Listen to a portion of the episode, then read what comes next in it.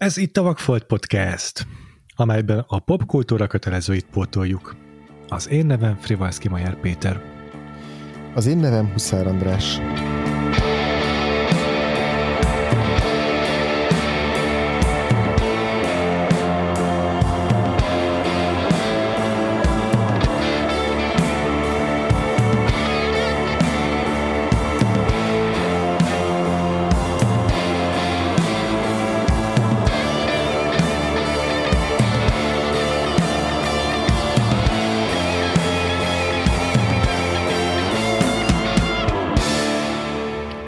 Folytatódik a magyar filmes évadunk. Mészáros Márta filmjével fogunk foglalkozni, az 1975-ös Örökbefogadás. Uh-huh. Ez az film.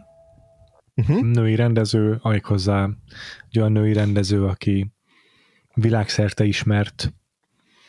Már emlékeztük az évadban, mert mm, nagyjából egy évtizeden keresztül Jancsó Miklós felesége is volt, és a Jancsó adásban ez szóba jött, de egyébként önálló jogon is tényleg egy borzasztó sikeres és elképesztően nagyra tartott rendező. Így uh-huh. hát, mi sem természetesebb, mint hogy ehhez adáshoz nem hívtunk vendéget.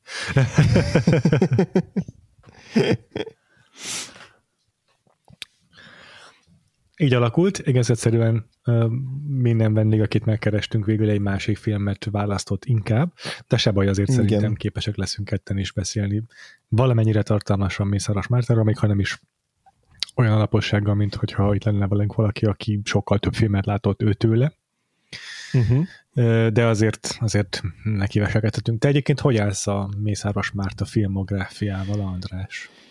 Ó, hát igazából egy filmjét láttam ezelőtt, az a legutolsó, vagy legutóbbi filmje volt az Aurora Borealis. Úgyhogy, hát akkor nem érzem magam olyan kínosan, mert, mert én is. Én, én teljesen csak most ismerkedek Mészáros Mártával. Ami azért igazából nagyon cikinek éreztem, hogy csak azt az egyet láttam tőle, mert hmm, igen. már mióta úgy érdekelnek a filmek, már a, a, a közben is jelentek meg újabb és újabb filmjei, tehát lett volna mit megnéznem, moziban is igen. akár, és így egészen, egészen kínos, hogy egyikre sem mentem el soha. De az Aurora Borealis, az nagyon-nagyon szerettem, az nagyon tetszett nekem. Igen, igen, igen, igen, azt én is kifejezetten szerettem. És hát olyan rendezőről van szó, aki most 90 éves, és tényleg az Aurora Borealis, ez, ez 2017-es film, úgyhogy uh-huh. még egészen idős korában is mm, láthatunk tőle filmeket. Az Örökbefogadás pedig igazából így a, nem az első játékfilmje, de az első uh-huh. ilyen jelentős játékfilmje, azt, mondja, azt, azt írják róla így a, az anyagban, ahol olvastam, hogy ez a kiforrott Mészáros Márta első film. Tehát itt már így a őrá jellemző fogások, őrá jellemző témák a legkiforrattabban itt jelennek meg. Igen, számon uh-huh. lehetne kérni, hogy miért nem foglalkozunk mondjuk egy olyan filmjével, amely, nem tudom, a napló tetralógia egyik epizódjával, de igazából uh-huh. szerintem tök jó az, hogy ezt az örökbefogadást választottuk, egyrészt azért is, mert ez mégis, mégiscsak az a film, amivel így bemutatkozott a világ előtt, Mészáros Márta. Igen.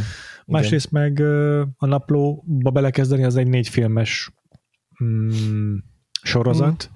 lehet, hogy kevésbé lenne fair, hogy abból nézzünk meg egyet, ahelyett, hogy választanak egy jobban önállóbb darabot. Nyilván azok is önálló értelmezhetők, de azért mégiscsak jobb így nem érzem azt, hogy hiányérzetem támad, mert csak egyet láttam a, a nagy filmekből, a nagy napló, napló gyermekeinek sorozatból. Igen, igen, igen, igen. Hát ez ennek a ennek a, az évad felosztásnak a legfenéje, hogy a legtöbb rendezőtől egy filmet tudunk csak kiválasztani, és hogy az esetek többségében megjön ahhoz a kedvünk, hogy még többet lássunk, de de igen, igen. ezzel nehéz mit kezdeni ezzel a így is, így is elég hosszúra kinyújtott, de azért, de azért szűk időkeretben, ami nekünk rendelkezésünkre áll, főleg, hogy a azért teljes magyar filmtermésből szemezgetünk. Ja. Úgyhogy ja, mindig, ja, mindig, szinte mindenkinél maradnak ilyen nagyon fontos, jelentős vakfoltok még ezután, a, ezután az évad után is. Hogyne, hogyne.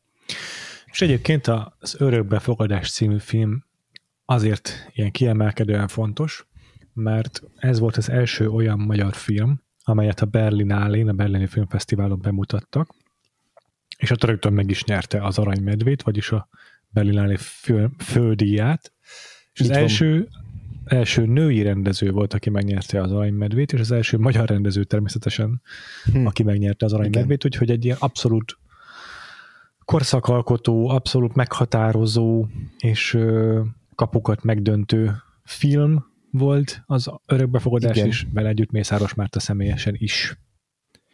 Igen, igen, és egyben ez volt a egyike azon kevés filmeknek, amiket, amiket úgy nevezett Magyarország Oscar díjra, hogy női rendezőnek a, a filmjéről volt szó. Mm. Tehát, hogy mhm. ez volt kon- konkrétan az első alkalom.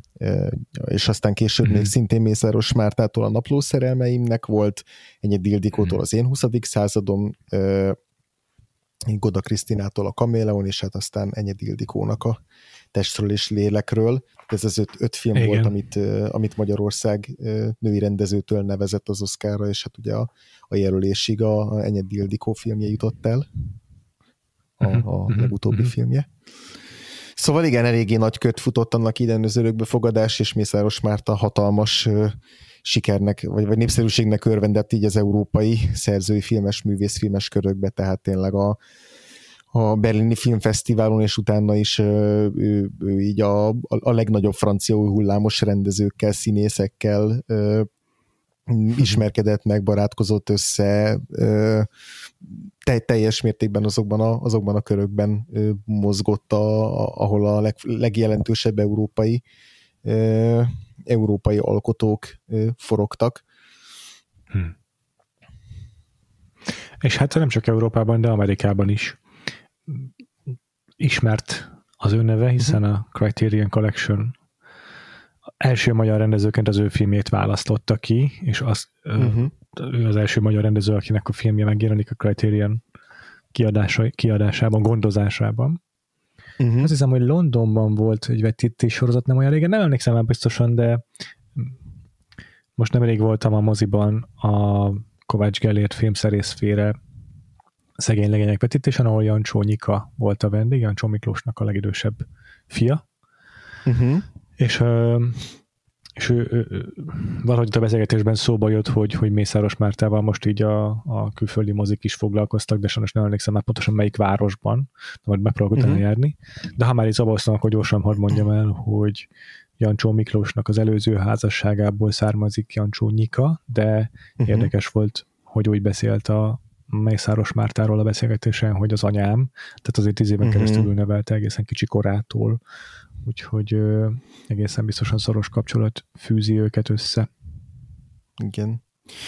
Igen, és hát itt nem csak a, a 75-ös örökbefogadás, hanem rögtön a, a, a rákövetkező filmje 1976-ból a, a 9 hónap, ami, ami hmm. Kant járta meg, és az volt, ami, ami még szélesebbre szélesebbre hmm. tárta az ő, az ő ismertségét, ez az, a, az volt az a film, aminek a kapcsán a, a francia filmszakmának a, a az elitje az, az így befogadta maga, maga köré, és, és akkor arról nyilatkozott, így van, van egy, van a régi Origo filmklubban egy egy hosszú születésnapi interjú Mészáros Mártáról, vagy Mártával, és akkor ott, ott, ott mesél a, a Godárhoz, Truffauthoz, Vardához, Catherine Deneuve-höz, Jean Moreauhoz való viszonyáról, hogy kikkel barátkozott össze, kikkel kapott össze, ki, ki hogyan fogadta őt.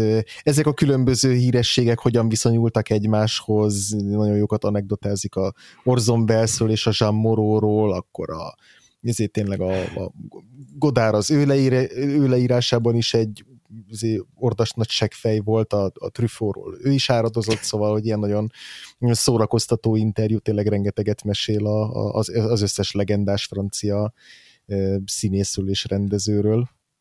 És hát erről az időszakról, amikor ilyen, ilyen nagy nemzetközi ismertségre tett szert, meg arról, hogy, hogy végül miért, miért, miért maradt mégis Magyarországon, miért dolgozott itthon, és miért nem hmm. vállalt olyan koprodukciós filmeket, de hogy miért, miért, miért, miért maradt itthon. Úgyhogy kifejezetten érdekes interjú, interjú hmm. vele.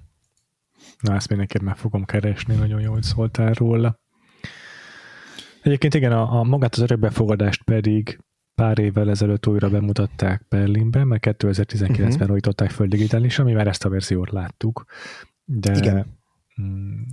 Visszahívták valamilyen filmbet itt, és hát azt hiszem Kánba is nem olyan rég, tehát azért ő tényleg má, máig is számon tartják, és ünneplik ezeken a nemzetközi filmfesztiválokon. Igen, így van. És és hát ezelőtt a film előtt pedig, a 75-ös örökbefogadás előtt pedig a, a korábbi filmjei között például ő, ő többször foglalkozott így azokkal a azzal a beat kultúrával és ifjúsági kultúrával, ami, ami így a 60-as évek végén, 70-es évek elején Magyarországon, vagy fő, fővárosban kialakult, tehát például Kovács Kati énekesnővel dolgozott együtt. Te szerepelt a filmjében, volt a főszereplője az egyik filmjének. De egy, egyébként úgy tűnik, hogy sokat cserélgetik a, a, a, Igen. A, a, azokat, akik dolgoznak a Jancsóval. igen. igen, igen, aztán, aztán eredetileg ő, ő rendezett volna egy Illés filmet is, tehát egy, egy olyan filmet, ami oh. teljes egészében az Illésnek a, a, a, a dalain és zenén alapul, és ők is szerepeltek volna benne, csak pont, pont ezt a ezt a tervezett filmet előzte meg az Illésnek egy olyan londoni interjúja, aminek a kapcsán így a hazai cenzorok azok nagyon megharagudtak rájuk, és akkor gyakorlatilag akkor lettek ők ilyen, akkor kerültek ők ilyen tiltó listára, és akkor nem tudott megvalósulni ez a film de, de egyébként Aztán. is azt írják, azt írják Mészáros Mártáról, hogy így a, az örökbefogadás előtti filmjeiben is mindig női, női szereplőknek a különböző döntéshelyzetei, különböző magatartásai, magatartás formái foglalkoztatták. Igen, a, a, azt láttam én is, hogy a Kovács Kati felszereplésével készült eltávozott nap. Abból így egy idézetet találtam a, a magyar film ahol a uh-huh. Mészáros Márta portrécében idézik, hogy van egy ilyen mondat, hogy élek, és ezen már nem lehet változtatni. Tehát így a, uh-huh. a két dolog, ami Mészáros Mártát foglalkoztatja a karakterével kapcsolatban, ez az a, a nőknek a, igen, az ilyen viszonylag hétköznapi élethelyzeteik, döntéseik, és a életüket befolyásoló nagy események, és ezekkel egyidejűleg a nőknek az önállósága, rendelkezéshez való joga igazából, ami rendszeresen felbukkan nála, így a, a szabadság eszménye is egy ilyen fontos dolog ebből kifolyólag uh-huh. Mészáros Mártánál, ez is több ilyen portrécikben megjelent most a 90-es, 90 éves születésnapja alkalmából, uh-huh. amiket olvastam. Igen. Úgyhogy és, ezek, amiket én találtam. Igen, és érdekes, hogy itthon a, akkorban nem rajongott érte a kritika, tehát hm. akkoriban nem nem aratott osztatlan sikert, így részben ideológiai okokból is kifogásolták a, a, a filmjeit, viszont ugye külföldön pedig egy ilyen, az nem feminista rendezőnek kiáltották ki, ami ellen pedig ő berzengedett egy kicsit, hogy be, be, be, ilyen módon kategorizálják őt be.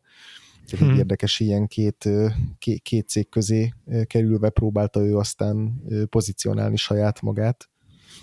Igen, e, ezt én is olvastam, hogy még az örökbefogadás sem tartja feminista filmnek, és meglepődött, hogy ez volt a, az a bélyek, amit megkapott Berlinben a fesztiválon. De hát én elhiszem, hogy nem feminista filmként írta meg, de hát ez a film uh-huh. tényleg feminista, szerintem. Igen. Ez ilyen eredendően feminista film, abból kifolyólag, Igen. hogy a rendezőnek a nézőpontját azt nem tudja kiírtani magából, és egyszerűen, amit megfogalmaz, amit ő ábrázol, már ettől Igen pláne 1975-ben ez egy feminista történet. Abszolút.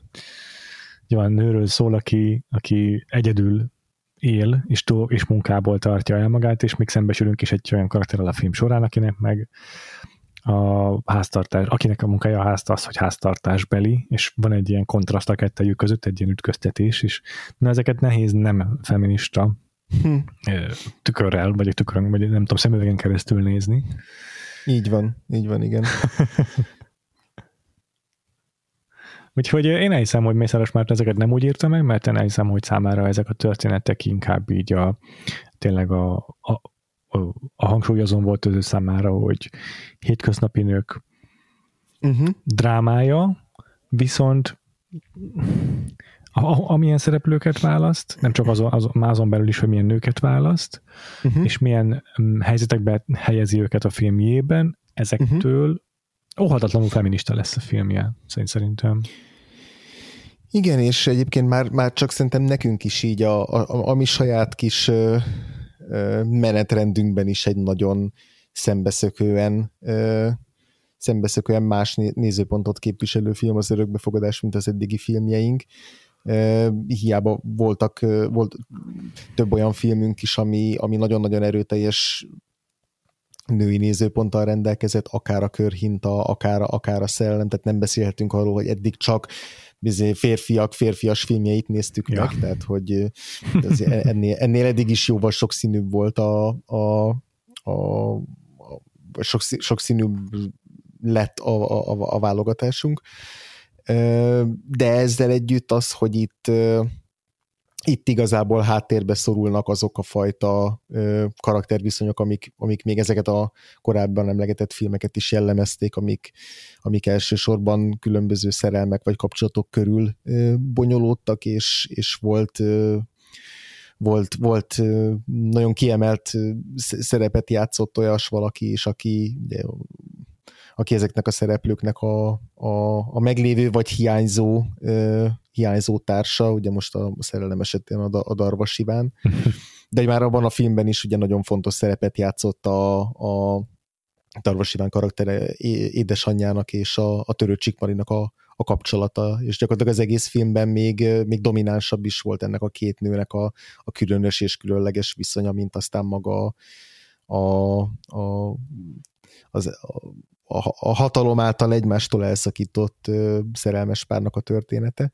és hogy valahogy talán ehhez kapcsolódik még a leginkább a, az örökbefogadás, de még ezzel együtt is nagyon különleges és nagyon más ennek a filmnek a, a szemszöge, és, az, és a magának a kamerának is a, a fókusza, vagy a nézőpontja az, hogy, hogy mennyire rá, rá zoomol, rá közelít ennek a, a, a két főszereplőnek a, a saját belső világára, és, és van, egy, van egy olyan jelenet is, hogy ugye összefoglaljuk röviden, hogy miről szól ez a film, és kik ezek a szereplők, akikről beszélünk, de hogy van egy olyan jelenet is, ahol ahol, ahol így hirtelen szembe találkozunk egy, egy, egy csapat férfinak a, a tekintetével, akik figyelik ezt a két nőt, és aztán megpróbálnak így így oda menni hozzájuk, és így, így belépni az ő világukba, és, és, és ez a két nő nem engedi be őket a saját világukban, mert, mert ott, ott, ott, ott, ott és akkor egymás számára ők a legfontosabbak, és hogy ezt a, vagy ezt a mikrouniverzumot, amit a, a két főszereplő körül kialakít a film,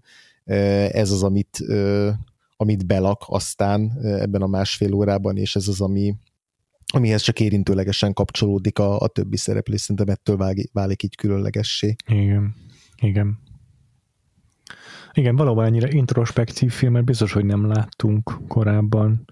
És a, igen, tehát mondjuk a, a, a szerelem, azt, az hasonlóan két szereplőnek a dinamikájáról szól, de, de az mm, ott a, a hangsúly magán a dinamikán van, meg ezen a konfliktuson a kettő szereplő között, és az úgy vezeti uh-huh. a mhm. filmet, meg úgy egy gerincét képezi, és ebben a filmben meg sokkal inkább valóban a szereplőkön álló lelki világa, és nem, nem feltétlenül egy konfliktus vezeti ezt a, ezt a történetet. Na és akkor igen, ideje összefoglalni, hogy miről szól ez a történet. Szeretnéd?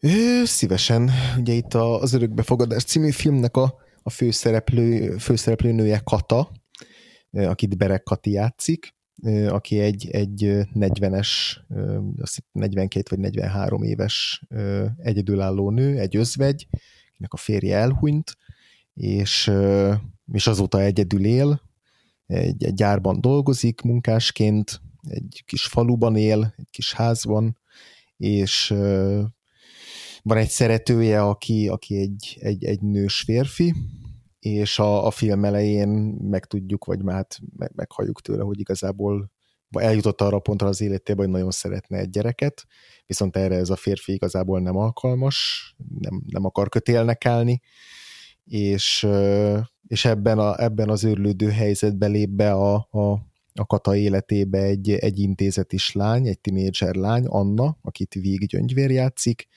véletlenül megismerkednek egymással, és így elkezdenek, elkezdenek egyre több időt tölteni egymással.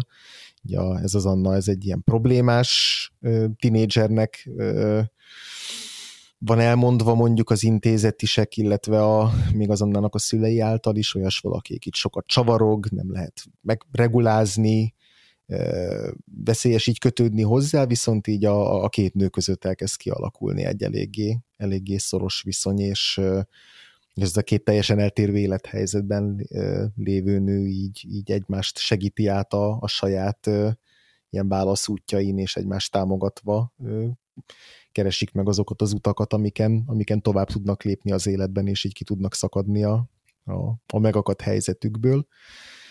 E, és igazából ennek a, ennek a, ennek a története, ez a film, ennek a két nőnek a, a, a, a megoldandó dilemmái. Egyrészt ugye Katának ez a, a, az anyai vágyai, a Anna pedig, aki a, az intézetből szeretne tovább lépni, és egy, egy, egy fiúval, aki, akivel nagyon szeretik egymást, szeretne összeházasodni, hogy, hogy ki tudjon lépni az életnek már egy másik szakaszába.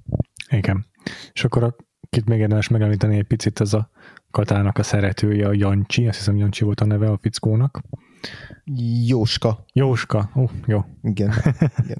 Jóska, aki pedig házas ember, és nem akarja, hogy komolyabbra forduljanak közte és Kata közt a dolgok, mert saját gyerekei, meg saját családja van, és Kata így örlődik ebben a helyzetben, hogy gyereket akar, de a, uh-huh. az ember, akit szeret, az nem hajlandó mm, ebbe belemenni. Így van, igen. Úgyhogy néhány szereplős film, vagy hát egy viszonylag kevés, a, kevés a, az olyan szereplő, akiknek konkrét beszéd, di, di, dialógiaik vannak, de egyébként rengeteg mm-hmm. statisztán, rengeteg kis mellékszereplőn időzik el, el ez a film, tehát felépít egy olyan kis mikrokozmoszt, itt a, a falusiak, az intézetisek, a Jóskának a, a családja, így a, ezeknek, a, ezeknek a, szereplők, a szereplőknek a környezetében, hogy sokszor még azoknak a szereplőknek is megismerjük így a, az érzéseit, és, és ők is kapnak olyan, olyan, olyan pillanatokat, amikor úgy ők lesznek úgymond a, a főszereplői ennek a filmnek, vagy hát legalábbis a, annak az egyes snitnek, amiben szerepelnek hogy, hogy, hogy nekem az volt az érzésem a film végére, hogy igazából nem maradt olyan szereplő, aki, aki ne lenne egy teljes értékű húsvérfigura.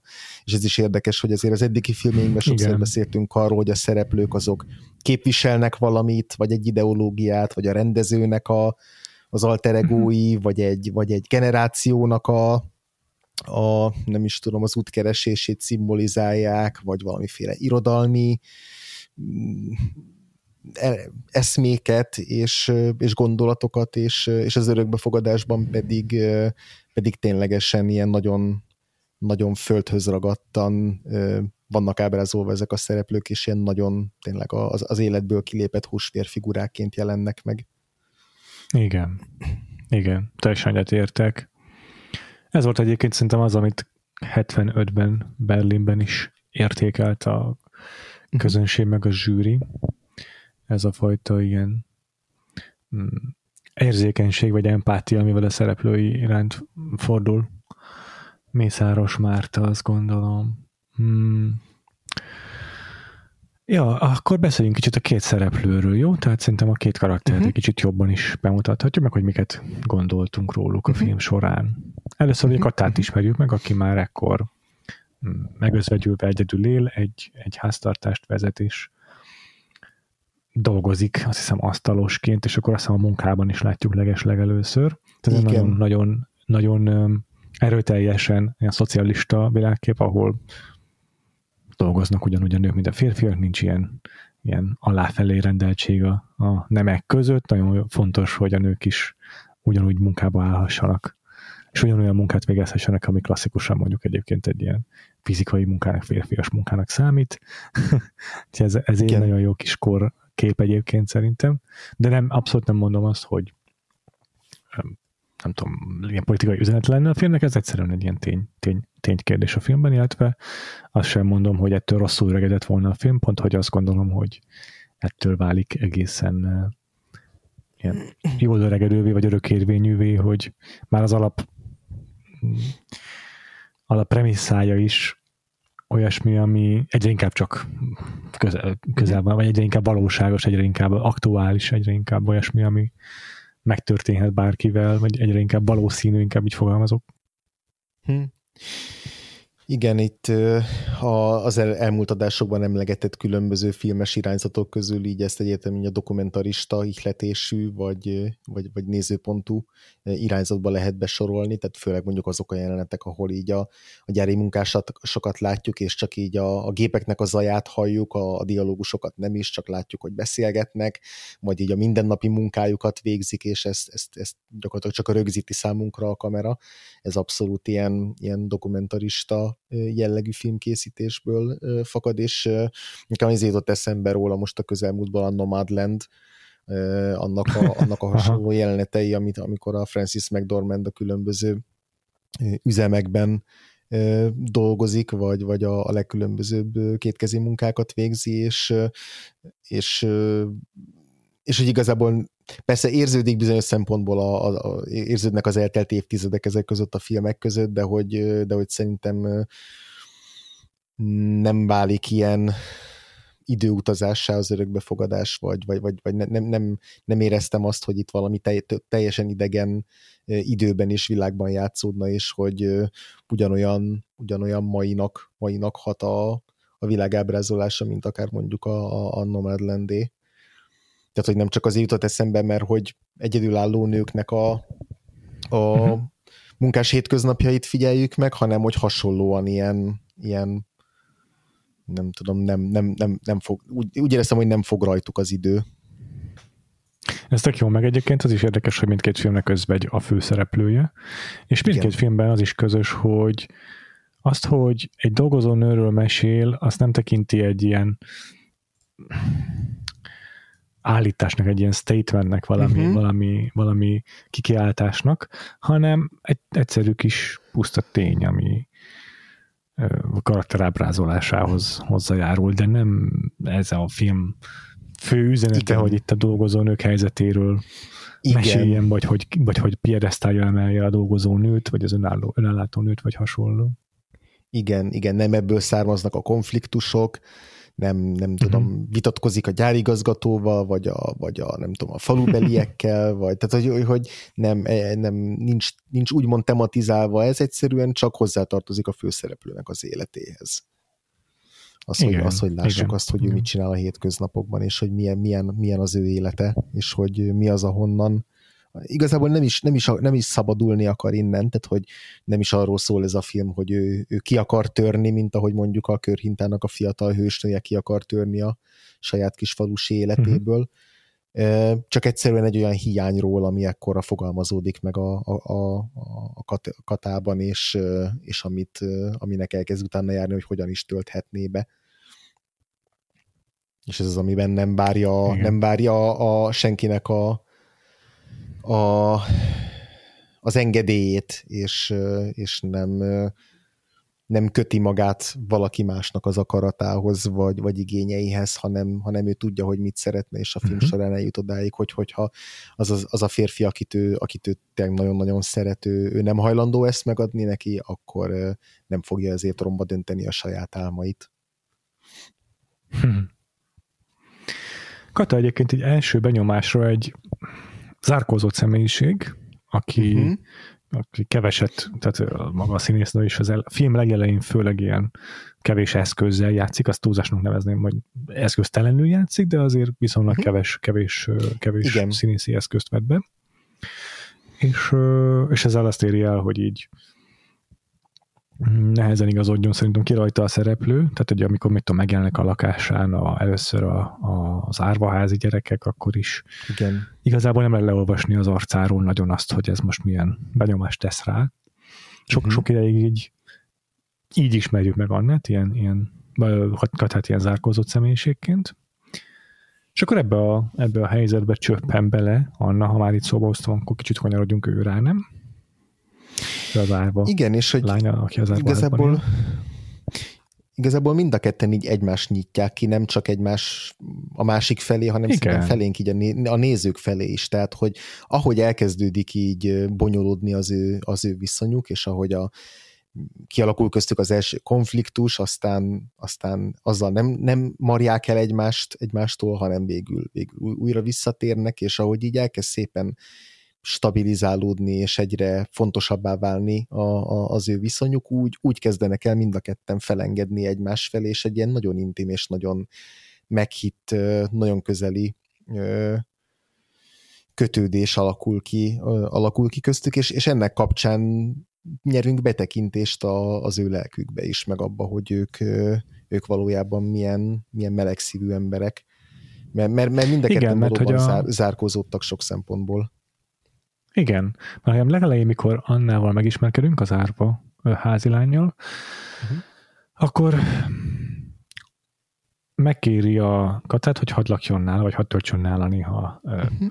egy kis időt a barátjával, de az is, az a beszélgetés is így hiány, hiány, hiányzik belőle a, az érzelmi réteg, és inkább egy ilyen tranzakcióként hangzik uh-huh. el körülbelül, tehát nem, nem igazán könyörög mondjuk a lány, nem, nem, nem tesz hozzá egy ilyen, nem játszik rá az érzelmeire, vagy az empátiájára, különösebben a katának a beszélgetésben, és nagyon ilyen kis tárgyilagos az egész jelenet. És ebből a helyzetből indul ki a két szereplő, és innen ö, oldódnak fel tényleg, és tök, tök érdekes, hogy tényleg az az egyikük háttere, hogy házban nő fel, és bizonyára van ebből fakadóan egyfajta bizalmatlanság, valószínűleg mindenkivel szemben, nem uh-huh. csak közvetlenül a felnőttekkel szemben, és a másikuk pedig egy egyedülálló nő, aki özvegyként él, meg ugye a saját vérokonaival sem találkozunk a film során, tehát valószínűleg ő teljesen egyedül él, a jóskán kívül gyakorlatilag valószínűleg vannak ilyen közeli kapcsolatai más emberekkel, tehát mindenkettőkben van egy olyan alapvető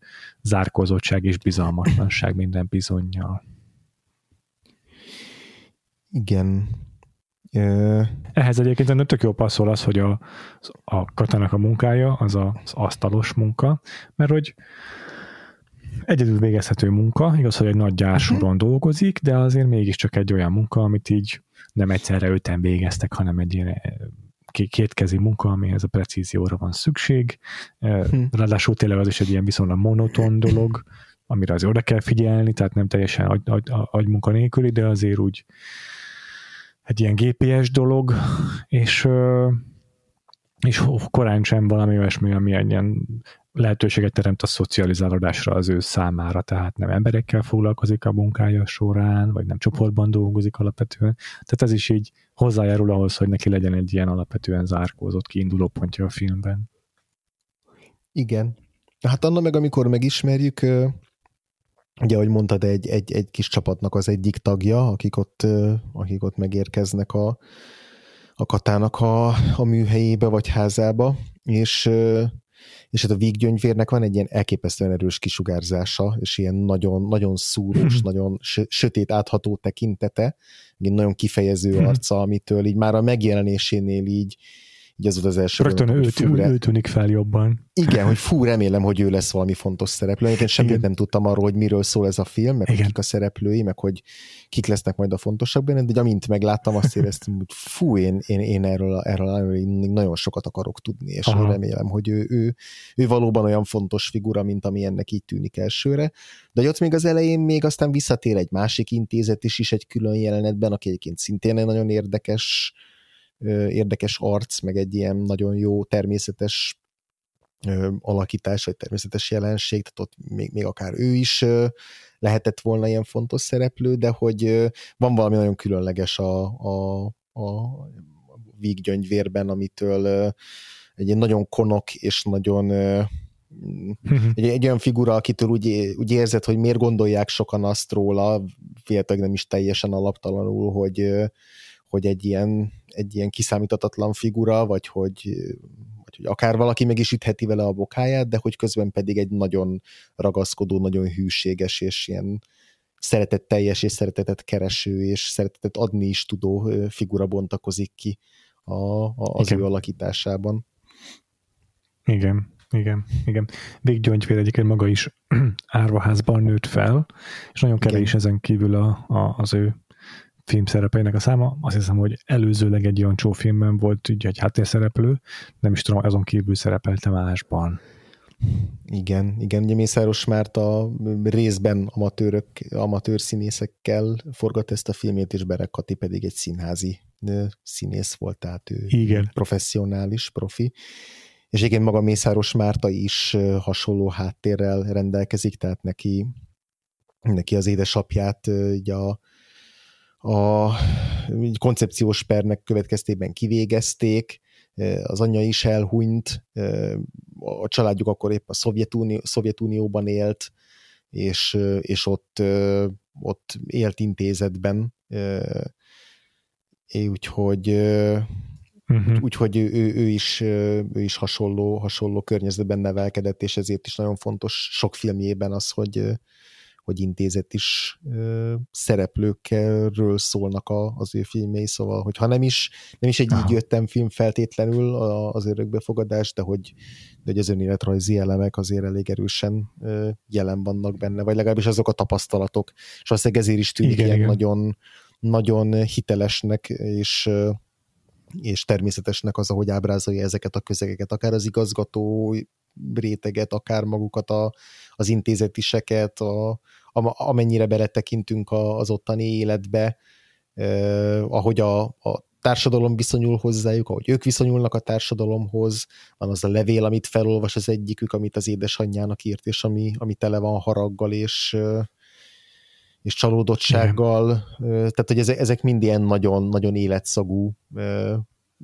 pillanatok, amik, amiket biztos meg lehet külön is írni, csak így empatikusan, de hogy, de hogy azért sokat számít az, hogy, hogy Mészáros Márta ezt belülről tapasztalta meg, és, és látta ezt a világot. Uh-huh, uh-huh, uh-huh. És hát nem is beszélve a napló filmekről, amelyek meg aztán egy az egyben önéletre ékletésűek. Tehát igen, oh, igen. Is, ha nem is egy így jöttem filmmel, de így szépen elosztva a filmográfiájában apránként feldolgozta a saját történetét. igen. Igen. Szóval nem igen, hogy az Aurora szerintem... Borealisnak egy idős asszony a főszereplője, tehát így mindig a megfelelő ércakatban valószínűleg a megfelelő témát találtak. Igen. Mert hogy nem tudom nála a hangot. Igen, igen. Szóval igen, hogy, hogy ennek a filmnek azért elsősorban ennek a, a két főszereplőnek a kapcsolata az, ami miatt szerintem nagyon-nagyon erős és nagyon jó, és, és tényleg az a meghittség, ahogy, ahogy egyrészt ábrázolja őket, és másrészt ahogy a, ahogy a két, két, két színész is, is alakítja ezeket a figurákat. Érdekes, hogy a, a dialogoknál többször éreztem azt a film során, hogy picit olyan monoton a hangkordozásuk, nem mindig olyan nagyon természetes, picit mm-hmm. az a fajta mm-hmm. ilyen igen. magyar filmekre néha jellemző utószinkronos Igen. párbeszéd, ami, ami nem feltétlenül tűnik természetesnek.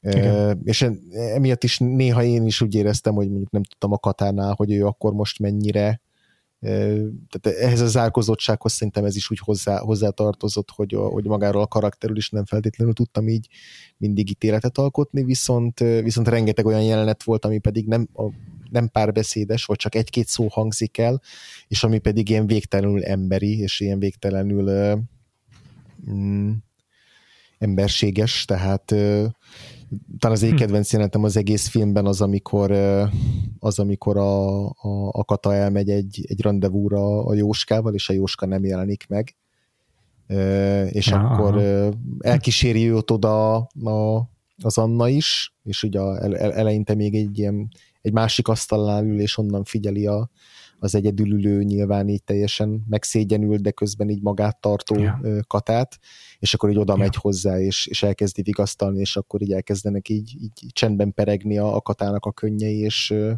akkor így magához vonja, meg így, meg így vigasztalja, és hogy ott, ott mind a két szereplőnek így nagyon, nagyon érzékletesen van ábrázolva az, hogy mi megy, mi megy végbe bennük. Tehát, hogy tele van ilyen jelenetekkel a film, ami miatt nem tudok igazán nem tudom, haragudni azért, hogy néha egy picit olyan, olyan mesterkértnek éreztem egy-két párbeszédnek a, a párbeszédben így a mhm. szereplőknek a hangkordozását, mert hogy közben meg, közben meg tele van ilyen, ilyen, ilyen, ilyen szuper pillanatokkal, amikor a kamera is ilyen egészen közel férkőzik hozzájuk, és így ilyen egészen intim közelségbe kerülünk az ő, az ő ilyen védésdat szövetségükhöz.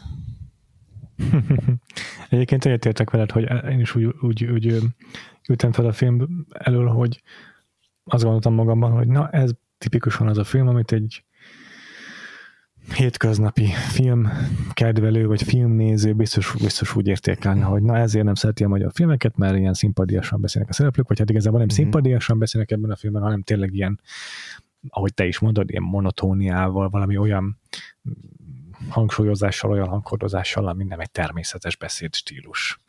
És ö, én is elgondolkodtam ezen, hogy hogy ez vajon mennyire volt egy tudatos döntés, vagy így esett. De igazából én elég hamar túltettem magam ezen, szerintem uh-huh. én jobban túltettem magam rajta, mint te, vagy lehet, hogy végül is nálad is ezen a ponton, hogy átfordult, de ezen a ponton kb. meg átfordult bennem ez a film. Igen, igen. Eleve jobban ki is nyílt a két szereplő, tehát sokkal többet látjuk őket egymással úgy igen. viselkedni, hogy jóval nyíltabban játszanak. De attól függetlenül is azt gondolom, hogy ez egy akár tudatos döntésnek is, vagy egy, egy jól használt eszköznek is tekinthető. Nagyon, én nagyon szeretem, sőt kifejezetten élvezem és, és értékelem, meg rajongok azokat a filmeket, amelyek ilyen hasonló módon ilyen enigmát tárnak a szerep, vagy a nézők elé, amivel a uh-huh. szereplő maga egy ilyen nehezen megfejthető, bezárt doboz, uh-huh. és a film során nagyon apró gesztusokkal, meg aprócska érzelmi kifogadásokkal Igen. nyilvánul meg a szereplők belső lelki világba. Sokkal jobban tudom ezt a fajta filmkészítést értékelni, mint a Hollywoodra sokkal inkább jellemző teljes nyíltsággal játszó színészetet, meg a teljes nyíltsággal lezajló dramaturgiai éveket. Például egyébként a Nomadland egy jó példa arra, hogy hogy a Chloe Zhao nagyjából ugyanezt a fajta ilyen zárt eh, lelkivilágú uh-huh. szereplőket hogyan ábrázolja, és mik azok az aprócska momentumok őnála is, amelyek aztán kinyitják ezeket a lakatokat ezeken a szereplőkön, csak ott azért megvan az egy-két momentum, ami sokkal egyszerűbben befogadhatóvá, vagy még inkább uh-huh. hollywoodivá teszi ezt a, ezt a dramaturgiát. De például nagyon jó példa, most nem akarok spoilerezni, mert még a magyar mozikban nem megy, de a Drive My Car, a Ryusuke Hamaguchi filmje, na az pontosan ugyanilyen szereplőkről szól, mint ez a kettő itt a, a, a, az erőbefogadásban, és ott is így a harmadik óra végére már újjongsz, amikor valami apróságot látsz tőlük megnyilvánul hmm. tőleg, hogy szóval az kifejezetten szerintem egy, egy, egy ilyen végletekig, meg jó, tökéletesen és, és, a, a, és gondosan megvalósított megoldása ennek a fajta dramaturgiának, amit az örökbefogadás is csinál. Igen, igen. Nem, teljes mértékben egyetértek, és igazából engem se zavart már a film nagy részében mm-hmm. ez a, e, a, a, a dialógoknak a, a, az előadásmódja. Abszolút nem, nem, nem, nekem sem okozott már problémát. És igen, tök jó, hogy ezt említed, és tényleg, tényleg nagyon izgalmas tud lenni ez a fajta szereplői zártság, és, és sokkal nagyobb hatása tud lenni annak az egy apró, egy-egy apró ilyen megnyílásnak, amit látunk ilyenkor a szereplőktől. Nekem is most eszembe jut így egy-két példa, akár a Never Rarely, Sometimes Always, ami, ami ennek a, a teenager oldaláról mutat be egy hasonlóan zárt szereplőt, vagy, vagy ha nem is zárt, de, de egy ilyen fókuszált figurát, aki igen, igen. nehezen, aki a, a, a film sem, film is minimális eszközökkel enged hozzá közel, de mégis nagyon közel lehet hozzá kerülni, vagy akár a, a, az Agnes Vardának a, a filmjei, amik, amiket mondjuk megnéztünk már mi is a, a Vagfolt Podcast Igen. keretén belül, vagy akár, vagy akár azon kívül is, tehát hogy szerintem azért sok a hasonlósága nyilván egy picit lehet ilyen leegyszerűsítő, hogy na akkor a kornak a két nagy jelentős izé, európai rendezője, akkor sok a hasonlóság, de hogy de hogy de Szerintem hogy azért ezek eszembe nem tudatosan, meg nem egy... Igen. Mondj csak, mondj csak, mondj csak. Ne, mondjad nyugodtan. Csak arra gondolok, hogy nem tudatosan, meg nem egymásra hatással láttak ezek a rendezőnök ilyenni, csak azt gondolom, hogy az lehet az összefüggés, mert azért tényleg Anya Svárda filmje, hogy én láttam, az is azért dokumentarista jellegű, tök sok az amatőr szereplő, nagyon hasonló Igen. az is, megint tehetjük ebbe a Nomadland, a Vagabond meg a, az örökbefogadás háromszögbe ezt a három filmet igazából, ez nagyon hasonló sok tekintetben, nem hogyan a nőkhöz, meg a szereplőikhez állnak, meg ugye a három rendezőnek is a stílusra nagyon hasonló, és ezek nem azért vannak, mert mert hogy ez egy ilyen divat hullám volt abban az időszakban, most legalábbis a két ö, múltbéli filmnél maradva, mert a Nomadland most már jelenkori film, hanem azért, mert az lehet szerintem a mögöttes motiváció a rendezőknél, hogy szeretnének beszélni női szereplőkről, szeretnének beszélni női uh-huh. karakterekről, meg női drámákról, és tisztában vannak azzal, hogyha ezt olyan érzelmi nyíltsággal tennék meg, ami egyébként a film nyelvében amúgy magától értetődő lenne, uh-huh. akkor az úgy érződhetne, hogy most ez egy ilyen kiáltvány, vagy ez egy ilyen, uh-huh. egy ilyen figyelemfelkeltés, vagy figyelemfelhívás, hogy vegyük már észre a női szereplőket, egy ilyen, egy ilyen könyörgés akár, hogy, hogy itt vannak a női szereplők, és, és, és kérlek figyeljetek, vegyetek már őket észre, de nem ezt választják, pont azért, mert tudják, hogy ez a fajta túlzott nyíltság, ez a, ami a filmben egyébként szerintem általában túlzóan nyílt, tehát a legtöbb uh-huh.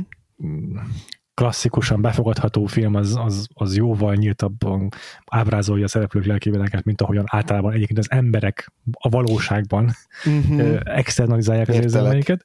És, és, és hogy ez valószínűleg azt érezték ezek a rendezőnök, hogy ha most ezt az, ezeket az eszközöket alkalmaznák, akkor az gyengíteni az értékét annak, amit csinálnak, és inkább hm. kelljen megdolgozni a szereplőkért, mert most ők uh-huh. Azt szeretnék, hogy mi dolgozunk meg ezeket a szereplőkért, hogy legyen erőfeszítés az, hogy megismerjük őket, és tegyük bele mi is a munkát, hogy foglalkozzunk velük. Ez nagyon tetszik, igen. Egyébként a korban rengeteg kritika született tényleg az örökbefogadásról, amely ezt a mm, érzelmi hűvösséget fogalmazta meg, vagy kritizálta. Most jó, a rengeteg az túlzás, hiszen eleve nincsen egy ilyen óriási, nem jártam be a Széchenyi könyvtárba végigolvasni az összes kritikát a filmről, de egy, amit találtam, egy, egy, egy cikket a, jóval későbbről, uh-huh. a film megjelenése után több hónappal, abban idéz a szerző, ez a filmkultúra újságban jelent meg, idéz a szerző más kritikusokat a korból, akik pont ezt Aha. mondják, tehát azért elég sok, elég sok név felmerül így, akik uh, szóvá tették a filmnek ezt a um, úgy fogalmaz az egyik szerző, hogy a folyamatok érzelmi átérésének a lehetőség az hiányzik a filmből, hiányzik az az erő, ami bevonna minket a mű körébe, más szavakkal, ahogyan a szerző fogalmaz. És, és tényleg ez, megértem, hogy ez egy olyan dolog, ami tűnhet hibának, vagy rendezői tévedésnek, vagy színészi hibának akár, de mondom, most, hogy már én ez, ugye a Agnes Varda filmek, meg a Chloe uh-huh. Zhao film, meg, meg a szűrőjén keresztül tudom ezt nézni, én azt gondolom, hogy ezek sokkal tudatosabb döntések annál, mint amit itt a kritikusok feltételeznek. Akkor a kritikusok feltételeztek. Igen, és, és egyébként a színészeknek is sokkal több muníciót adnak, tehát hogy én szerintem színészként is adott esetben sokkal izgalmasabb lehet eljátszani egy ilyen szerepet, megformálni olyas valakit, aki nem feltétlenül adja ki dialógusban, vagy ilyen nagyon látványos érz, nem tudom, gesztusrendszerben minden egyes érzelmét, és nem uh-huh. telegrafálja a néző felé, hanem ezeket a, ezeket a nagyon erős belső drámákat, vagy dilemmákat, vagy helyzeteket, ezeket úgy ábrázolni, hogy az hogy annak egy része belül maradjon, de úgy, hogy közben a néző az, az, az le tudja olvasni a, a, az, adott, az adott érzéseket, vagy, vagy hogy egyszerűen meg tudjon fogalmazódni a filmen belül a, az a konfliktus, amiről, ami, amin, amin keresztül megy a szereplő, szóval, hogy ez egyrészt, hogy ez az, az élethez is közelebb áll, ahogy mondtad, ez, egy, ez szerintem egy tök jó megállapítás, másrészt pedig, másrészt pedig az, szerintem színészként is egy, egy, egy sokkal izgalmasabb kihívást tud jelenteni. Ez igaz, erről nem is gondoltam, de ez biztos, hogy igaz. Ja, mert hogy ettől még azok az érzelmi folyamatok, amik a papíron ott vannak, meg a karakterben benne vannak, azok, azok lesz, le kell, hogy zajlódjanak a színészben is. Tehát bár nem feltétlenül ül ki minden az arcára úgy, ahogyan általában nem vagyunk egy filmtől, uh-huh. attól még a, a szereplő, a színészben, igenis ezek, ezek, ezt neki végig kell gondolnia is, és át kell élnie ezeket az érzelmi uh-huh. változásokat, érzelmi folyamatokat, mert mert csak úgy lesz hiteles az alakítása. Akkor is, hogyha egyébként mondom, amit mi látunk, az ebből jóval kevesebb, és jóval nehezebb lesz nekünk Igen igen.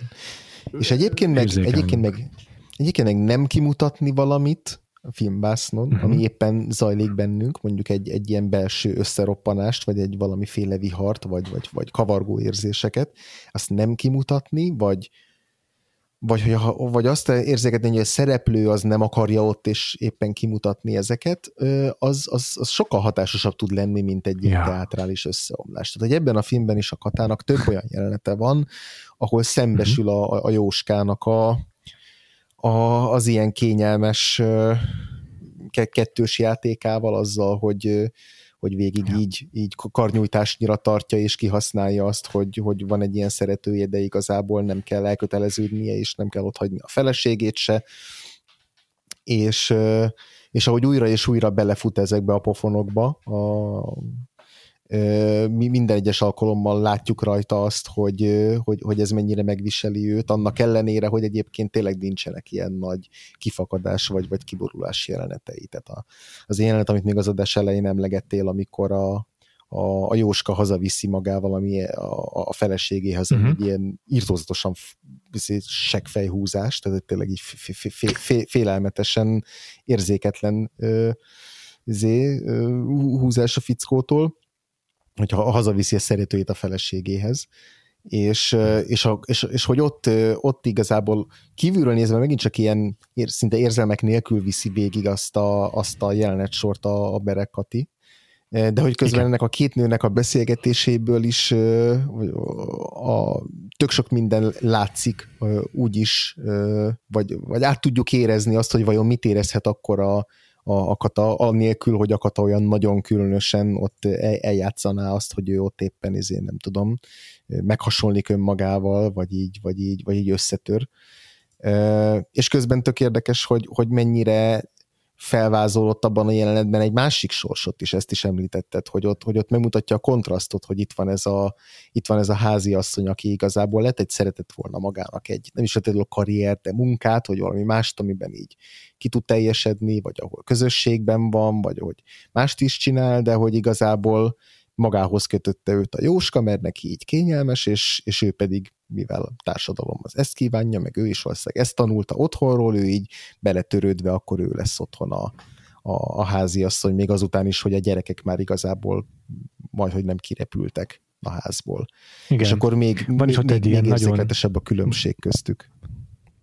És van is ott egy ilyen nagyon, nagyon árnyalt, vagy visszafogott kis apróság a színész játékában, uh-huh. hogy amikor a Kata mondja neki, hogy hát de már felnőttek a gyerekek, igazából miért ne munkába, akkor van egy rövid pillantása a másik szobában ülő férjére, a kamera itt nem is vág uh-huh. a Jóskára, tehát nincs egy ilyen nagyon egyértelművé téve, hogy most a feleség ránézett a férjére, hanem csak egyszerűen felnéz egy pillanatra, és mi tudjuk a korábban már, már lefektetett ilyen geometriából, hogy most akkor akire néz az a férje, hogy, és akkor az annyit mond, hogy e, igazából, ja nem is, ott, ott, ott az hangzik el, hogy, hogy mondja, hogy hogy is van a beszélgetés, nem tudom, de hogy azt mondom neki, mert lehet, hogy meg, lehet, hogy meg is szólal a képen kívülről ott a Jóska, és mondja, hogy ah, van itt elég munka itthon is. Igen.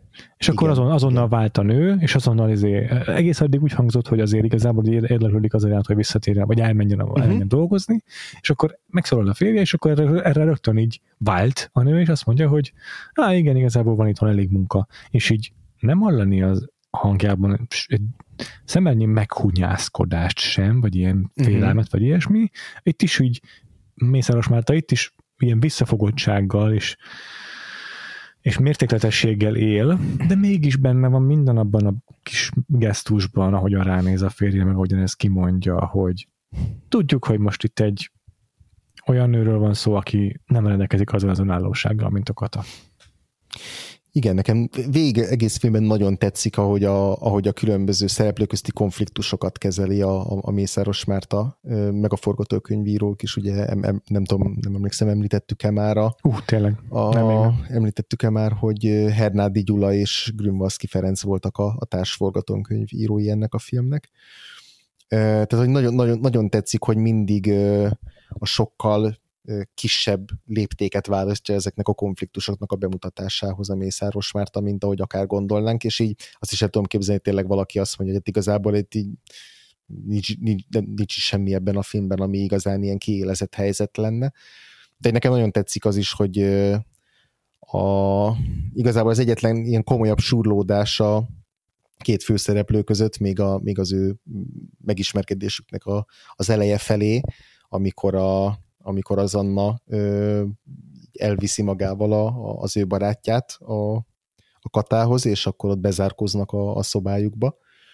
Ö, és ö, akkor ott a kata úgy be is kopogtat hozzájuk, úgy valamit így akar is tőlük, tehát hogy úgy érződik, hogy, hogy ő ott, ő ott egy picit, mint hogyha meg akarná egy szakítani ezt a, ezt a, ezt a légyottot, akkor ugye mesztelenül nyitja ki az ajtót az Anna, amiben van egy ilyen kis dac, és utána, utána miután, miután kijön, akkor már nem is emlékszem, hogy pontosan mit mond neki, de, de akkor, akkor így felpofozza az Annát a kata. Uh, és hogy ebben a kis jelenet sorban is így tök jól benne van az a, az a fajta ilyen talán féltékenység, ami ott a katában feltámad, a, a fiatalabb lány iránt, akkor a lánynak így a szülői autoritással szembeni azonnali elutasítása, hogy akkor ugye őt, őt már pofozták eleget, és hogy ő nem akar még egy szülőt, és, és én nagyon kíváncsi voltam, hogy a filmnek mennyire lesz mennyire lesz domináns mondjuk ez a fajta konfliktus, vagy hogy lesznek-e ilyen nagy drámai pillanatok, ahol így ez a, ez a két szereplő így, így úgy ütközik össze, hogy mondjuk mondjuk nem, nem, nem, nem lesz többé fenntartható az a, az a az az állapot, ahol így befogadta magához a, a kata, de igazából nem lesz később ilyen pillanat, ezt, ezt úgy el tudják rendezni magukban némi idő elteltével ezt a, ezt a konfliktust. Igen. Tehát ez is egy ilyen természetes dolog, hogy így, hogy így a, a kapcsolatok elején kialakulnak ilyen kis ellentétek, meg neheztelések, meg, meg sértődések, de aztán, aztán ezeket úgy el tudják, el tudják rendezni magukba, és szerintem csomó ilyen, ilyen kis, kis konfliktus van a filmben, ami, ami lehetne ilyen sokkal drámaibb, meg sokkal végérvényesebb is egy hagyományos vonalvezetésű forgatókönyvben.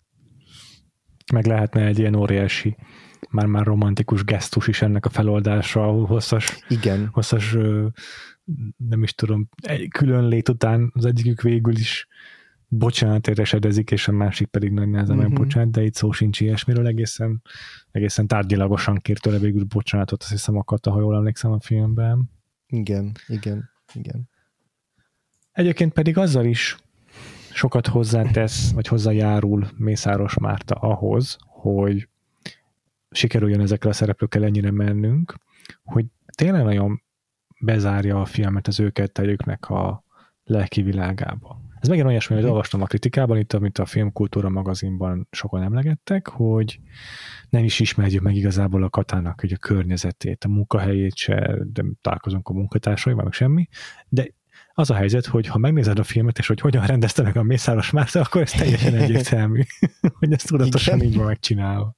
Hát pontosan, hát ez egy, ez egy elszigetelődött magányos nő, aki, aki, aki találkozik, egy, ta, találkozik valakivel, aki, akivel egy kapcsolatot tud létrehozni, és ami megerősíteni benne azt, hogy ő szeretne ilyen közelebbi kapcsolatokat, ugye e, e, ebben az esetben valakivel, akit ő, ő nevelhet fel, tehát hogy ez, ez, ez te, ja. teljesen, teljesen egyértelmű, igen. és hogy főleg a filmnek a későbbi szakaszában, de egyre inkább sokat alkalmazza ezeket a szuper közeliket is a Mészáros uh-huh. Márta, hogy tényleg betölti a képet a szereplő arca, és így kellemes kis elhomályosodott háttér előtt látjuk a szereplők arcát, tehát tényleg még így tehát minden jelentéktelené válik a képben, kivéve a főszereplők arcát, és az a minimális kis érzelmi játék, amit engedélyez a színészének Mészáros Márta, az így betölti a képet, és csak arra kell tudnod koncentrálni nézőként, és azt kell tudnod megfejteni. Az egyetlen dolog, amire szabad koncentrálni, vagy lehetséges koncentrálni. És ez is így egy idővel végül is így megdolgozza a nézőt, és megdolgozik a nézőnek a, a, a, figyelmért, per empátiájáért, hogy hát csak ezt tudod nézni, csak a szereplők arcát tudod figyelni folyamatosan. Bőven, bőven, igen, és ezért, ezért nem is értem azt, a, azt az elemet hogy ez egy hideg film, vagy egy zárt film lenne. Tehát ja, szerintem ja. ez egy annyira, annyira meghitt és melegszívű, és ilyen, érzelmekkel teli film, akkor is, hogyha a szereplők nem feltétlenül mutatják azokat ki ilyen hatalmas gesztusokkal, vagy mimikákkal, de hogy ezekben a, ezekben a az ilyen túlsatokban, meg, meg egészen közelikben, ahol, ahol, ahol így egymást áttölelik a, a, a szereplők, akár a két főszereplő, akár a Kata és a Jóska, akár a Sanyi és az Anna, tehát hogy ezeknek a szereplőknek Igen. a testi, a fizikai interakciói, az ölelései, a, a, az összebújásai, a párbeszédei, ahogy egymásra mosolyognak, tehát hogy ezek, ezek szerintem annyira, annyira ilyen vonzó és és és tényleg egy jó melegérzést keltő kis, kis viszonyok és, és kis, kis, kis kötődések, amik, amiket én nem tudom, hogy hogy lehet így, így, így kívülről nézni. Szóval nagyon nehéz így kívülről szemlélni, ja. vagy, vagy nagyon nehéz elképzelni, ja. hogy ebben ne vonódjunk be. Igen, biztos, hogy a leges-leges legjobb szó erre, amit korábban használtál, hogy ez a film intim. Mert tényleg még a, az Anna meg a, a Péter volt a srác neve, nem emlékszem, vagy Sanyi, Sanyi, igen. igen. Ö, még az ő ilyen kis együttlétüket is egészen naturalista módon ábrázolja a Mészáros uh-huh. Márta, de nem erotikus, amit látunk, de intim.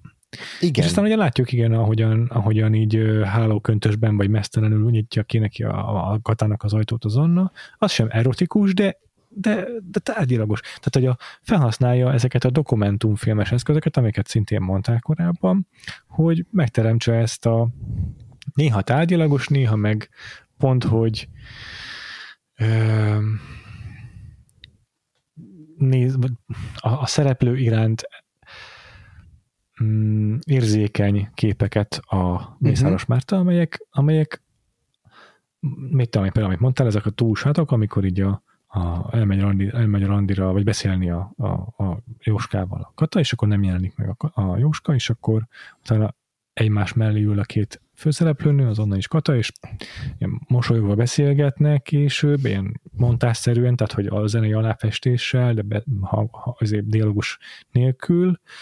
Na, azokat meg ilyen ö, telefotó, teleobjektívekkel veszi fel a Mészáros Márta, ami szintén egy ilyen dokumentumfilmes megoldás, hogy viszonylag messze ül a kamerás, de azért mm, közelről látjuk a, tehát mm, kicsi képkivágatban látjuk a szereplőket, ilyen túlsárban, ahogy mondod, és nem is nagyon, ott is így el van hamályosulva minden az előtér is, meg a háttér is a szereplőktől távol is, meg előttük is, és hogy csak a kettő szereplőre figyelünk, és mondom, még a, a, a beszélők is le van halkítva, és ez totál bevonja szerintem is a nézőt, mert mert hogy az a kamera hogyan így követi őket némi mozgással is időnként, így csak a nézőre, csak a, csak a szereplőre hagy fókuszálni, csak a, az ő kettejük arcát tudod követni, és az a mosoly, amit látsz rajtuk, azok az aprócska kis reakciók, amiket egymásnak a gesztusaira adnak, ez annyira intimmé teszi tényleg ezeket a képeket. Semmi más nincs a kép fókuszában, csak ez, csak ez az intimitás. És van az jelenet, amit már említettem korábban, csak így még egyszer fel akarom hozni, mert így nagyon, nagyon izgalmas mhm. volt, a, amikor az étteremben ö, beszélgetnek együtt, ö, és, és ott az étterem egy másik asztalánál meg ott van egy férfi társaság, és így, és így a kamera elkezdi ezeknek a férfiaknak az arcát venni közelről, ahogy, ahogy figyelik ezt a két nőt, és így nem tudom, szerintem azt a, azt a jelenetet így rommá lehetne elemezni, így a, a female gaze, meg a male gaze-nek a, nem tudom, az aspektusán keresztül, hogy így a, ugye a kamera, mint a, mint a női tekintet, vagy a férfi tekintetnek a, a, a megtestesítője, mert hogy ott szerintem annyira izgalmasan ötvözi, vagy így választja szét e, e, ezt a kettőt a Mészáros Márta, hogy itt a férfiak hogyan figyelik őket, és hogyan kezdenek el így legyeskedni körülöttük, és hogy egyébként viszont a kamera pedig nem úgy, nem tudom, vizslatja a, a, a két főszereplőt, mint ahogy, a, mint ahogy ezek a férfiak, de hogy végig, végig nagyon lejön ebből a jelenetből, hogy, hogy, hogy, hogy ez a két nő most így nem, nem akar így hogy mondjam, tehát hogy kizárja, kizárja a külvilágot, és a külvilág részeként kizárja ezt a, ezt a férfi érdeklődést, vagy ez a férfi vágyakat, vagy a férfi kezdeményezést Igen. is, mert, mert ez a jelenet most csak így róluk kettőjükről szól, és arról, hogy ők, ők most így egymásnak mit jelentenek, és, és tök, tök érdekes a, ennek a filmnek a snittelése, és az, hogy hogyan mutatja be azt, hogy milyen kívül maradni ezen a, ezen a kis világon. Igen. És ez is, ezeket, ezeket is csak, csak a vizuális történetmeséléssel uh-huh. közvetíti Mészáros Márta. Nem kell oda mennie egy srácnak, hogy megpróbáljon flörtölni a csajokkal, és nem kell a csajoknak lepattintaniuk a srácot ahhoz, hogy a néző értse, hogy most mi történt itt a jelenetben. Uh-huh. Nagyon is okosan megoldja ezt Mészáros Márta. Igen. Igen, és, és hasonlóan én, én is rettenetesen élvezem azt, hogy mennyire, mennyire minimális eszközzel mennyi mindent el tud mesélni, pusztán azáltal, hogy, mi, hogy mindannyian ismerjük ezeket a szituációkat, még ha nem is feltétlenül éltük át ezeket, és hogy nem az, hogy bele, beleolvassuk, vagy rávetítjük a, a, a szereplőkre, de hogy, de hogy egyszerűen ezek ilyen nem is shorthandek, hanem, hanem elegendő eszközök ahhoz, hogy, hogy ott megszülessenek ezek, a, ezek az érzések, vagy ezek a, ezek a helyzetek. Nagyon-nagyon jó jelenet sor szintén a, a film végéről az esküvő jelenet, ahol végül össze tud házasodni az Anna mm. és a Sanyi, és, és, és imádtam abban azt, hogy, hogy egy csomó mellékszereplő kap egy olyan kis pillanatot, amikor, amikor csak őket és az ő reakcióikat figyeljük meg. Tehát azt, hogy a, a többi intézet is lány hogyan reagál arra, hogy közülük valakinek sikerült így kilépnie az intézet falai közül, és sikerül sikerült Igen. megtalálni a boldogságot, vagy így, vagy így átlépni egy következő életszakaszba, és hogy, és hogy ott, ott egymás vállára borulva szokog, zokognak, és, és kiborulnak, és, és nyilván a, hát a saját életük, életüket életükkel hasonlítják össze azt, hogy mi történt a, az Annával, vagy az, hogy most akkor el fognak tőle búcsúzni, mert szerették, tehát hogy hát igen, minden van, van azokban is. a jelenetekben. Igen, igen, igen. Bőven benne van, hogy az Anna már egy viszonylag idős lány, és akkor rá biztosan így hmm. úgy tekintettek, mint aki tud rájuk vigyázni, vagy így, igen. így felnéznek rá, és most hirtelen nem lesz ott többé, mint egy idősebb nővér, aki elmegy a, a, a szülői házból, és, és ezek tényleg annyi minden benne van, és csak, csak képekben, tehát így dialógust itt nem is hallunk egyáltalán. Igen. Igen, és Ja, most csak le, le, nem tudom, mennyire szaladjunk már oda előre, de lehet, hogy most akkor most kérdezem meg, hogy mit szóltál ahhoz, hogy mi az a, az a két kép, amivel elbúcsúzunk a két főszereplőtől. Nem ugyanabban a jelenetben, de hogy van a két ja, ja. tulajdonképpen záró kép a két főszereplővel. Szinte mind a kettő nagyon-nagyon érdekes volt, hogy így mit, mit jelentettek számodra.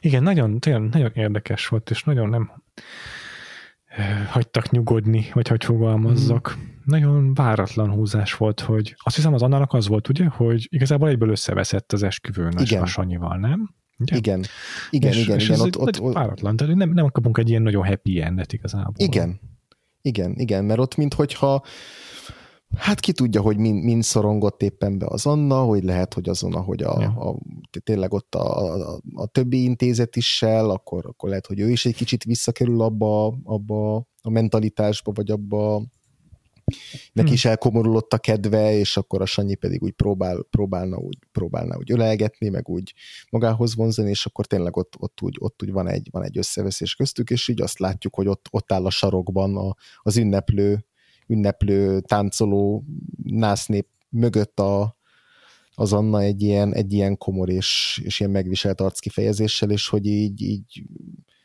tényleg azt, azt, azt mutatja a film, hogy azért ez nem lesz könnyű. Tehát, hogy hiába ez volt a nagy célja, hogy ő itt őt összeházasodjon, és igazából szerintem a film az azért azt érzékelteti velünk, hogy ez nem egy ilyen, nem tudom, kétségbe esett menekülő útvonal, ami kudarcra van ítélve, hanem tényleg úgy tűnik, hogy ez többen mondják így még az intézetből is, hogy így ez valószínűleg jót tenne neki, meg úgy azt látjuk, hogy ők tényleg úgy egy, egy jó pár, de hogy közben meg azért nem volt könnyű élete ennek a lánynak valószínűleg, és hogy azért nem lesz könnyű neki egy, egy ilyen egy ilyen házasságban léteznie, vagy így az intézet falain kívül se.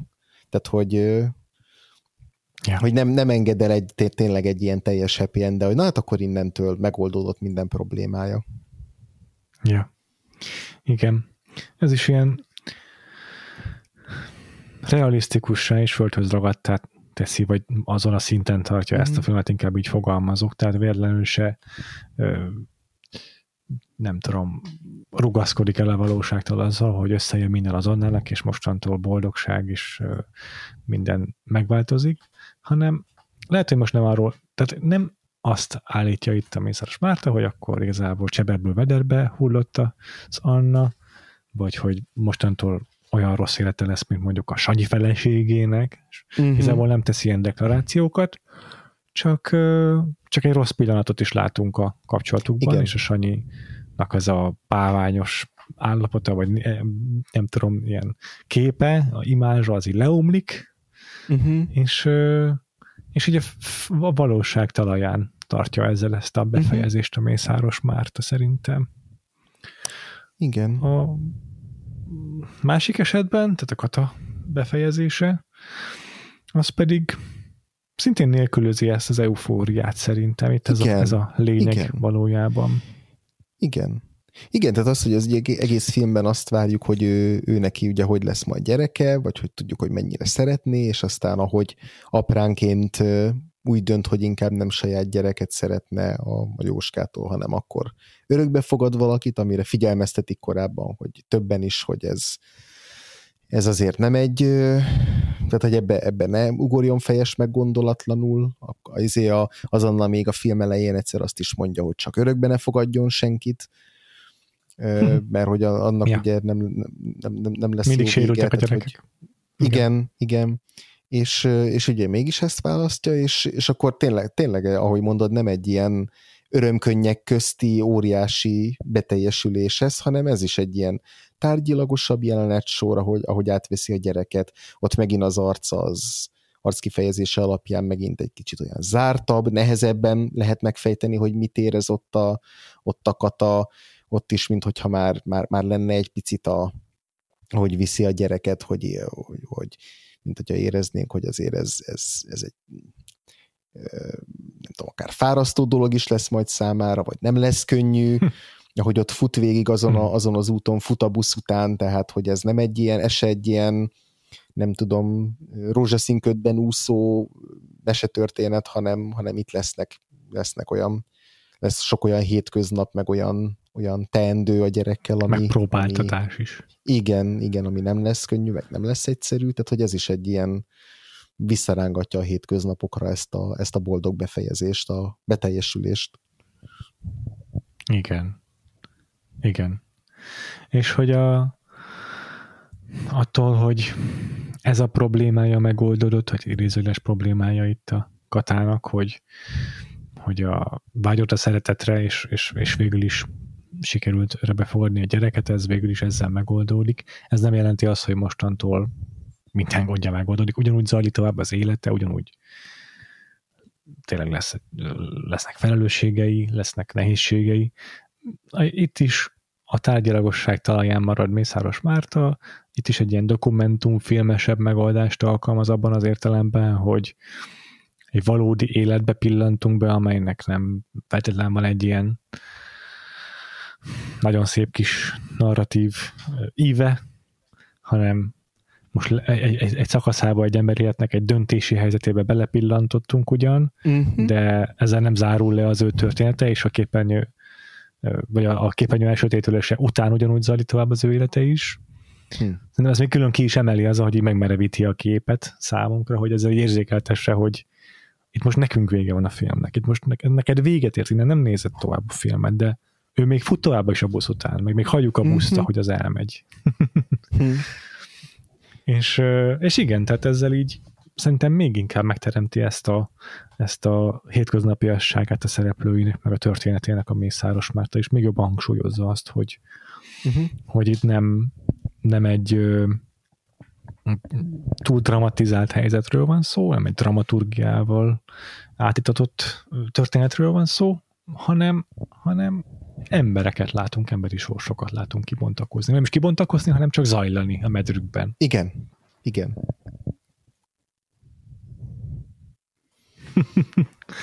Úgyhogy nagyon üdítőnek találtam ezt a filmet, és mondom, Én nem is. is olyan régen újra bemutatták ezt a, azt hiszem, hogy a Berlini Filmfesztiválon, és akkor még a Mészáros Márta is elment, vagy igen, el is ment erre a digitálisan felújított vetítésre, és akkor ő mondta, hogy és újra nézve is úgy gondolja, hogy milyen friss ez a film, ez egy mai film. És Abszolút. én is így gondolom, mondom direkt, nem is véletlenül emlegetem állandóan a Nomadlandet, meg Chloe Zseót, mert tényleg ezek az ő megoldásai, Mészáros Mártának a uh-huh. forma nyelvi eszközei, ezek máig aktuálisak és máig alkalmazott dolgok. A teljes mértékben, igen. igen. Úgyhogy én nagyon örülök, hogy megnéztük a, az örökbefogadást, és hát ahogy már sokszor a, a, az idei évadunk során, meg én most is megfogadtam, hogy jó, akkor majd szépen le kell ülni és megnézni Mészáros Márta többi jelentős mm. filmjét is, és szokás szerint ki tudja, hogy ez, ez mikor és hogyan fog majd teljesülni a valóságban. de, de az biztos, hogy, hogy most még, még, még, még jobban szerettem az ő nézőpontját és filmkészítését, mint, a, mint az eddigi merítésem alapján és nagyon mm-hmm. kíváncsi vagyok, yeah. a, ha másra nem, akkor a napló filmjeire. Igen, én is nagyon-nagyon kíváncsi vagyok azokra. És hasonlóan érzek én is, hogy de jó lesz majd még pótolni ő tőle továbbiakat. Hát most meg a lehetőség, hogy Criterion collection kiadást is vásároljunk. Illetve hát lehetséges, hogy már a magyar kiadásban is megjelent díszdoboz, mert ugye láttuk, hogy Szabó István filmjeiből is jelent meg, úgyhogy uh-huh. nem csodálkoznék, ha lenne DVD mm, verzióban, sőt akár, akár Blu-ray is lehetséges, mert ez az örökbefogadás is 4K-ban ment a mozikban. Uh-huh. Úgyhogy nagyon jó, hogy ezek... Egyébként nem is bánom, hogy ilyen sokat gyára, tizedik 12. évadjára kezdtünk bele a Vakfolt Podcastnak a magyar filmek feldolgozásába, mert hogy az utóbbi években dolgoz, újították föl ezeket csupán. Igen. 2019-es az örökbefogadás is. Igen, igen, és azért nagyon jó ezeket ilyen, ilyen jó minőségben nézni. Igen. Én a hangon éreztem kicsit azt, hogy időnként tudod, ilyen robotikus van benne egy Aha. ilyen vibrálás, ami valószínűleg abból fakad, hogy digitális utómunkálatot elég sokat alkalmaztak rajta. Szerintem az ilyen kicsit gépiessé tette a hangot, itt szintetizáltabbá mm, tette. És ez nem az első alkalom az évadban, hogy ilyet figyelek meg, ez szerintem biztos, Á, érdekes. az eredménye. De, érdekes, de még ezzel egy, együtt is sokkal jobban örülök, hogy így látom ezeket a filmeket. Hm. Jól van, maradt-e még benned bármi az örökbefogadással kapcsolatban? Nem, nem, nem, nagyon szépen lezártuk szerintem. Benned? Rendben van. Bennem sem, bennem sem, szerintem elköszönhetünk, és jövő héten visszatérünk Fábri Zoltánhoz. A jövő héten szerintem akar... nem, szerintem jövő héten oszkározunk.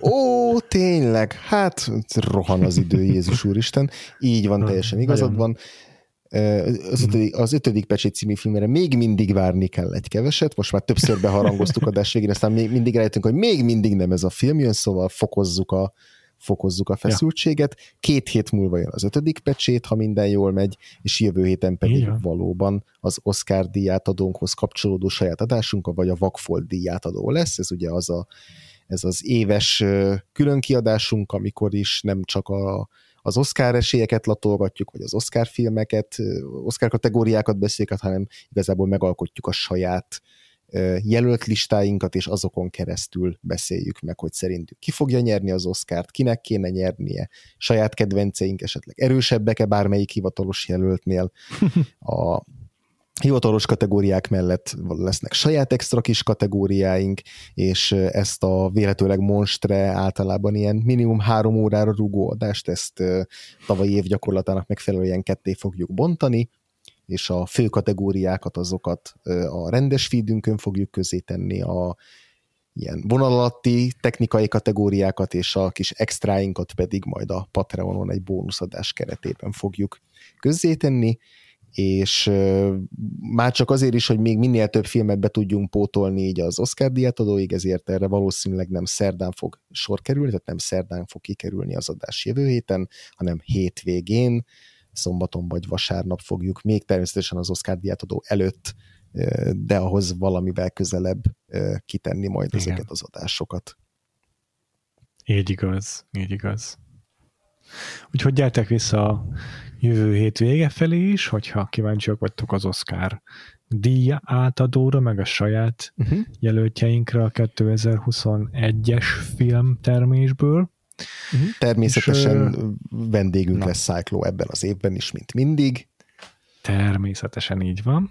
És akkor utána rá következő héten már várhatóan szerdán fogunk visszatérni egy rendes adással, ami valószínűleg az ötödik pecsét lesz, de most ezt sem merem teljesen biztosra mondani, mert még mindig sakkozunk, hogy egy-egy vendéggel mikor tudunk felvenni egy adást, és akkor lehet, hogy kicsit csereberélünk, de, de, de az a terv, hogy maradunk a 70-es évben is. Előbb-utóbb el fogunk jutni az ötödik pecsétig is, ezt becs szó megígérem. És, és akkor, akkor addig pedig, András már igen. mondta a, a, a Patreonunkat, úgyhogy a uh-huh. patreon.com per podcastot is keressétek fel, mert ott emellett még, hogy oszkározunk, még Batman filmről is beszéltünk nem olyan régen, 2022-ben idén a Matt Reeves rendezésében megjelent a Batman című film, erről megint beszéltünk vagy három órát, amiatt késett ez az adás is, hogy azt kellett fölvennünk, úgyhogy Vakford, vagy a patreon.com per Vakford podcaston tudjátok meghallgatni, mit mondtunk a Batmanről, és akkor ezen kívül pedig magát a Vagfolt podcastot se felejtsétek el követni, a kedvenc lejátszó appotokban is iratkozzatok fel rá, meg a YouTube-on is megtaláltok bennünket, hogyha azt használnátok, ott is lehet feliratkozni, meg benyomni az értesítéseket. Spotify-on is vannak már értesítések, szóval azt is be lehet nyomni, de fenn vagyunk a Google-on, meg az Apple-ön is. Magának a podcastnak pedig van Facebook és Twitter oldala is, mind a kettőt Vagfolt Podcastnak hívják, ezt írjatok be a keresőbe, és van egy Facebook csoportunk is, a Vagfolt Podcast társalgó, amire most külön felhívom a figyelmeteket, mert zajlik a March Madness, és éppen a mai napon, uh-huh. amikor az adás megjelenik, lépünk be a Sweet 16-be, a 16-os mezőnybe, ami arról szól, hogy 32 filmet már leredugáltunk 16-ra, és 16 filmből fogjuk már csak kiválasztani, hogy a 21. század leginkább elhanyagolt oszkáros filmje vajon melyik lesz. Azt a filmet keressük, amit ugyan jelöltek a legjobb Oscar legjobb film Oscar díjára, de nem nyert, és méltatlan módon nem nyert. Keressük, uh-huh. hogy mhm. nem tudom, melyik film érdemelte volna meg a leges legjobban az Oscar díjat, és hogy és ebben a, ebben a játékban pedig mm, Cyclóval veszünk részt, Cyclo is választott nyolc filmet, András is nyolcat, én is nyolcat, és nyolcat választottak a hallgatóink is, a foltosok, és ezekből választódik ki, hogy végül is mi lesz a, a leginkább elhanyagolt, vagy leginkább kikosarazott oszkáros film, és ez a hónap végéig zajlik ez a játéksorozat, úgyhogy minden héten, minden nap lesz egy szavazás a Vakfolt Podcast társalgóban a Facebook csoportunkban. Igen, a, a legjobb 16-ban olyan rendezőknek a filmjei versengenek egymással, mint Paul Thomas Anderson, Peter Jackson, Greta Gerwig, Ang Lee, Damien Chazelle, Denis Villeneuve, és még sokan, ja, Quentin Tarantino, igen. Igen, Darren Aronofsky, vannak, akik dupláztak is már most, tehát a tiz, legjobb 16-ban két-két filmmel uh, képviseltetik magukat, úgyhogy uh, vannak hatalmas blockbusterek és ilyen kis uh, indie darlingok, szóval eléggé-eléggé nagy a szórás, és eléggé kemény és izgalmas összecsapásoknak nézünk elébe gyakorlatilag mostantól már hmm. nap, mint nap. Ez biztos, hogy így lesz, hogy minél több szavazóra van szükségünk, mert különben sok lesz a döntetlen, és attól nagyon-nagyon félek. Úgyhogy gyertek, csatlakozzatok a társalgóhoz tényleg. Igen. Ezen kívül pedig akkor András, téged hol lehet elérni, olvasni, követni? A legegyszerűbb a twitter.com per gains, g a i n e s alsóvonás alatt, de a Letterboxdon is, amikor éppen rá tudom venni magam, akkor logolni szoktam legalább még a a filmnézéseimet. Téged, Péter? Hasonlóképpen engem is a Twitteren, Freevo név alatt kettő elvel, meg én is vagyok a Letterboxdon, ugyanezzel a usernévvel, írjátok be a keresőbe, és akkor ott ki fogja dobni a userünket, és lehet látni, hogy miket pótolunk a Vagfolt podcast kedvéért, meg amúgy miket nézünk meg a moziban is. Hát igen, néha írunk hozzá pár sor kritikát is, nem mindig jön össze, de igyekszünk. Uh-huh. Úgyhogy Jövő héten akkor oszkározunk, utána pedig folytatódik a magyar évadunk, Patreonon pedig Batmanezünk, megoszkározunk, úgyhogy ott is keresetek föl bennünket, és akkor uh-huh. Nem sokára érkezünk vissza. Addig is sziasztok! Sziasztok!